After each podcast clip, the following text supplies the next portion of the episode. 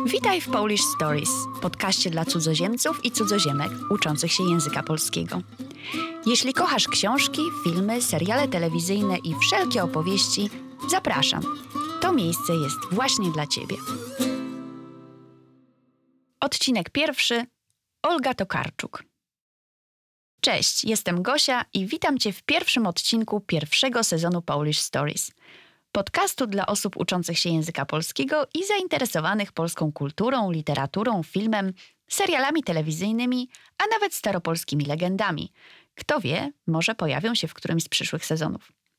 Czyli wszystkim, co można określić mianem opowieści. Jeżeli to jest Twoja bajka, czyli your jam, your cup of tea, something that floats your boat, to bardzo serdecznie zapraszam do mojej przestrzeni.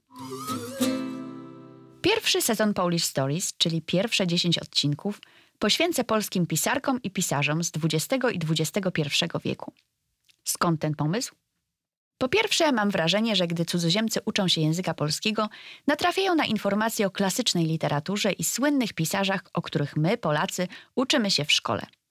Takich, którzy tworzyli w XIX wieku albo w czasie II wojny światowej – wszystko fajnie, ale szczerze wątpię, czy jest to literatura, którą masz ochotę czytać w wolnym czasie i która pomoże ci ćwiczyć współcześnie używany język. Oczywiście bardzo możliwe, że się mylę. I wśród słuchaczy mojego podcastu są osoby, które lubią powieści Henryka Sienkiewicza albo poezję Adama Mickiewicza, albo takie, które przeczytały Ferdydurkę Witolda Gombrowicza. Drugim powodem, dla którego postanowiłam stworzyć ten podcast, jest to, że sama znam lub uczę się kilku obcych języków, którymi posługuję się w różnym stopniu.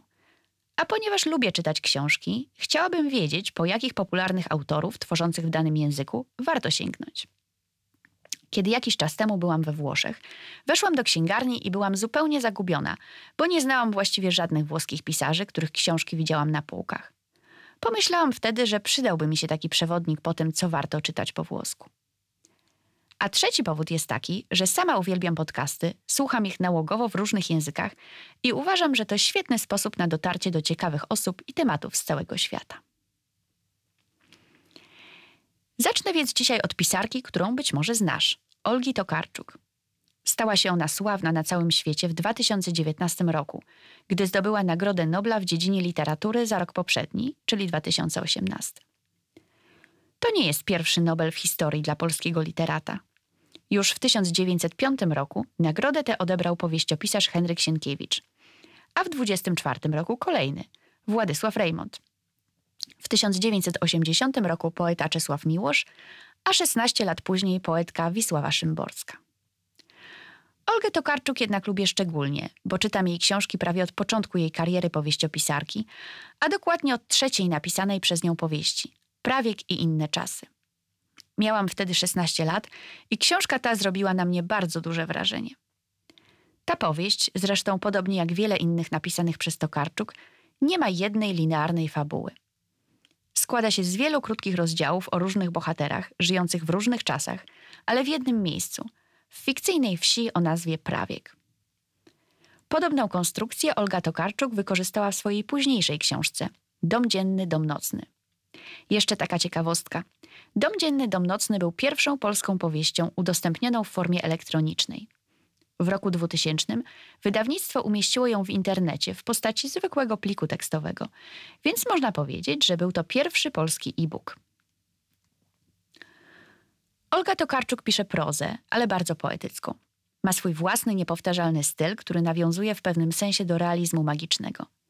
Z wykształcenia jest psycholożką i zanim zajęła się pisaniem książek, pracowała m.in. jako psychoterapeutka. I to jej zainteresowanie ludzką psychiką, motywacjami, wnętrzem człowieka jest widoczne w jej twórczości. Jest znana nie tylko ze swoich powieści, ale również, a może przede wszystkim, z opowiadań, które bardzo polecam. Nie tylko zresztą te autorstwa Olgi Tokarczuk. W ogóle uważam, że czytanie opowiadań w obcym języku jest bardzo dobrym pomysłem. Łatwiej jest przeczytać krótkie opowiadanie niż całą książkę, a satysfakcja z tego, że udało się nam skończyć, jest ogromna. Najbardziej znane zbiory opowiadań Tokarczuk to Gra na wielu bębenkach i opowiadania bizarne. Olga Tokarczuk pisze też eseje.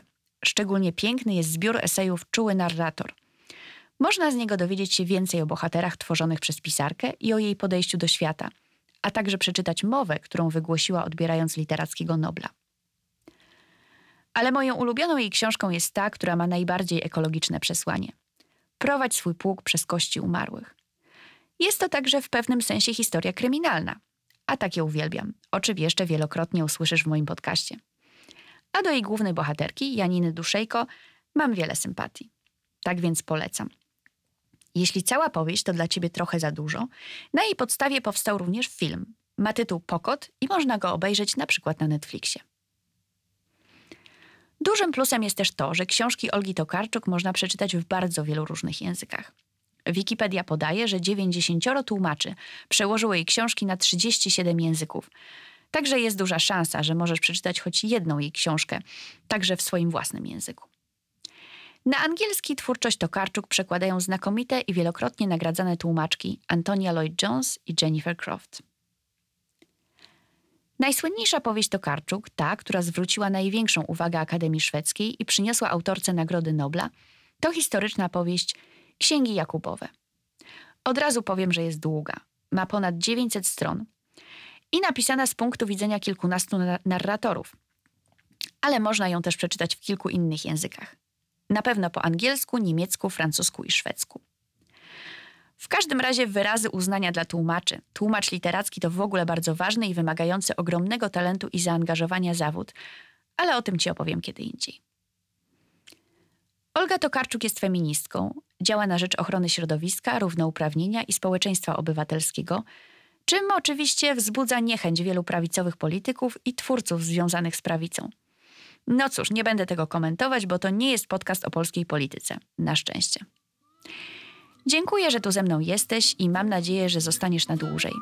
Pierwszy sezon podcastu będzie w całości o polskich pisarzach i pisarkach, a każdy kolejny odcinek, a będzie ich 10, będzie pojawiał się raz na tydzień, więc zasubskrybuj Polish Stories w swojej ulubionej aplikacji podcastowej.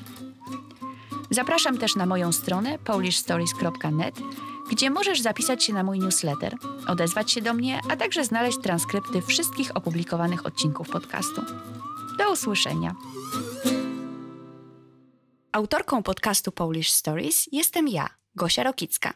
Za produkcję i realizację odpowiada podcastownia ciekawości w Warszawie.